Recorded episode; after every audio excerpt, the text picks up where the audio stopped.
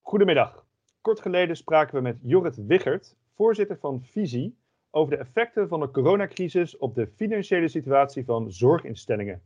Vandaag gaan we het hebben over hoe zorginstellingen om kunnen gaan met deze effecten. En dat doen we met Pim Diepstraten, partner bij Finance Dag Pim. Goedemiddag, harte, Wouter. Hi, van harte welkom uh, ja, bij deze opname zou ik zeggen. Um, we hebben uh, besproken dat financiële professionals in de zorg het erg druk hebben. Um, dus we gaan beginnen met een uh, korte samenvatting van jouw boodschap. Wat wil jij op hoofdlijnen meegeven aan uh, onze kijkers, Pim? Nou, je ziet dat de financials in zorginstellingen natuurlijk en, en, en, überhaupt de zorginstellingen de afgelopen periode echt in de teken stond van acuut handelen. op dit moment is er wat meer rust gekomen, meer duidelijkheid. Ehm, en is de blik weer vooruitgericht. Uh, maar wel een blik vooruit in een hele onzekere periode. En ik wil eigenlijk stilstaan bij die onzekere periode en hoe je daar als eh, financial mee om kan gaan uh, door middel van scenarioanalyse. En daar ook een aantal handvatten bieden die in deze periode erg bruikbaar zijn om daar ook mee, zelf mee aan de slag te gaan. En de juiste inzichten te krijgen om ook wat meer in controle te komen in deze onzekere periode. Oké, duidelijke boodschap denk ik. Laten we dan even kort inzoomen op die onderwerpen die je hebt uh, aangestipt. Beginnen bij die onzekerheid. Um, wat zijn de drijfveren van die onzekerheid momenteel?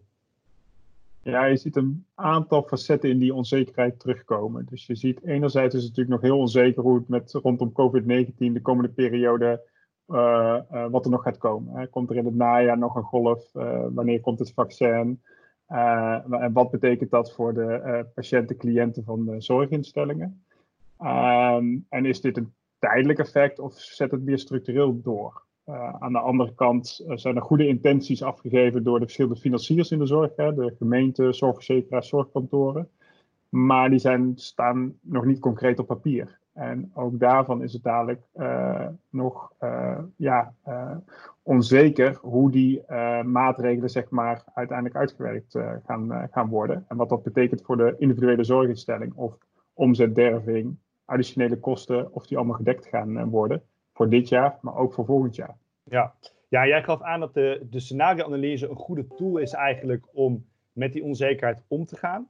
Um, wat is die scenario-analyse precies en hoe kan dat uh, zorginstellingen helpen? Nou ja, kijk, het is natuurlijk heel extreem lastig, zeker in deze periode, om vooruit te kijken. En één ding weet je zeker, als je een goed basisscenario neerzet met goed onderbouwde uitgangspunten, is dat die niet uit gaat komen. En dat is eigenlijk altijd zo. Uh, maar je wilt toch houvast hebben en je wil weten um, ja, wat uh, uh, bepaalde externe factoren, wat voor een financiële impact dat op jouw organisaties heeft. En daarvoor is het van belang om scenario's op te stellen en die ook vervolgens door te rekenen in financiële prognoses. Mm. Want zo ben je dus eigenlijk ook voorbereid op de verschillende mogelijkheden die kunnen gaan uh, uh, gebeuren of gaan ontstaan in de toekomst. Oh ja, precies. Kijk, je kan die scenario's relateren natuurlijk aan de, aan de impact van COVID-19. Of je bijvoorbeeld kijkt naar een impact die herstelt aan het eind van dit jaar. Dus dat je dan eigenlijk weer op een normale exploitatie komt. Dat de overheidsmaatregelen dekkend zijn geweest. Maar je kan ook rekening houden met het feit dat het nog twee jaar gaat duren. En, en twee jaar een negatief effect heeft op je exploitatie.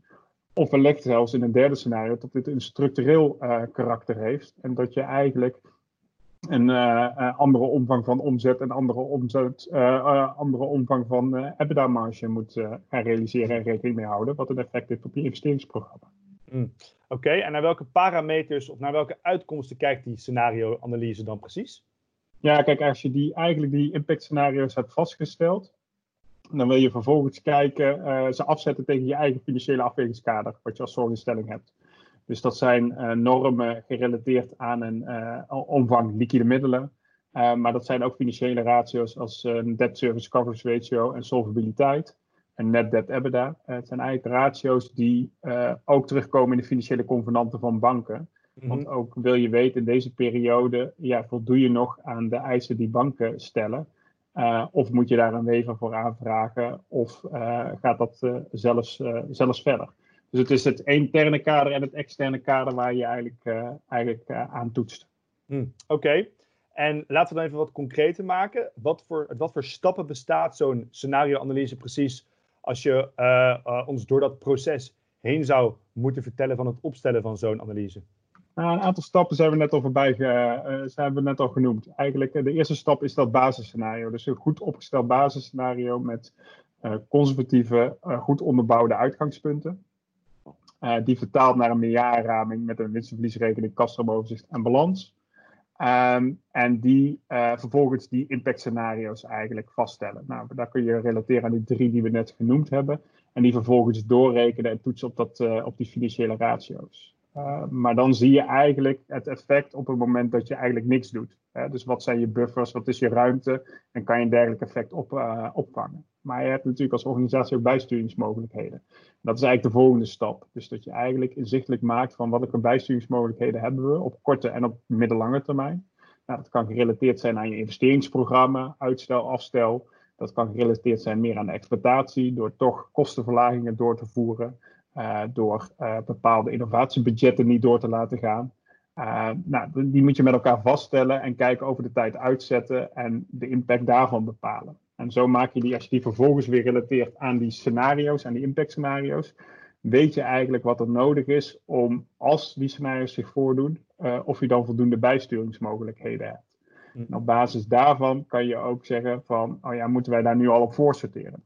Mm. En misschien wel belangrijker, de discussie intern starten met Raad van Bestuur, Raad van Toezicht. Om met elkaar te bespreken van waar lopen we tegenaan, welke flexibiliteit hebben we wel en niet en welke keuzes moeten we eventueel in de toekomst gaan maken. Ja, dus als ik het kort mag samenvatten, komt het erop neer dat ik uh, verschillende opties in kaart breng en alvast nagedenken over wat zou ik nu kunnen doen om met die verschillende opties eigenlijk die in de toekomst zich voor kunnen doen, om te gaan. Ja, dus het is grotendeels goed voorbereid zijn om, omdat het gewoon een hele onzekere toekomst is. Uh, um, uh, en dan goed voorbereid daarop zijn en alvast voorsorteren op maatregelen die wellicht nodig zijn, is goed. Hm.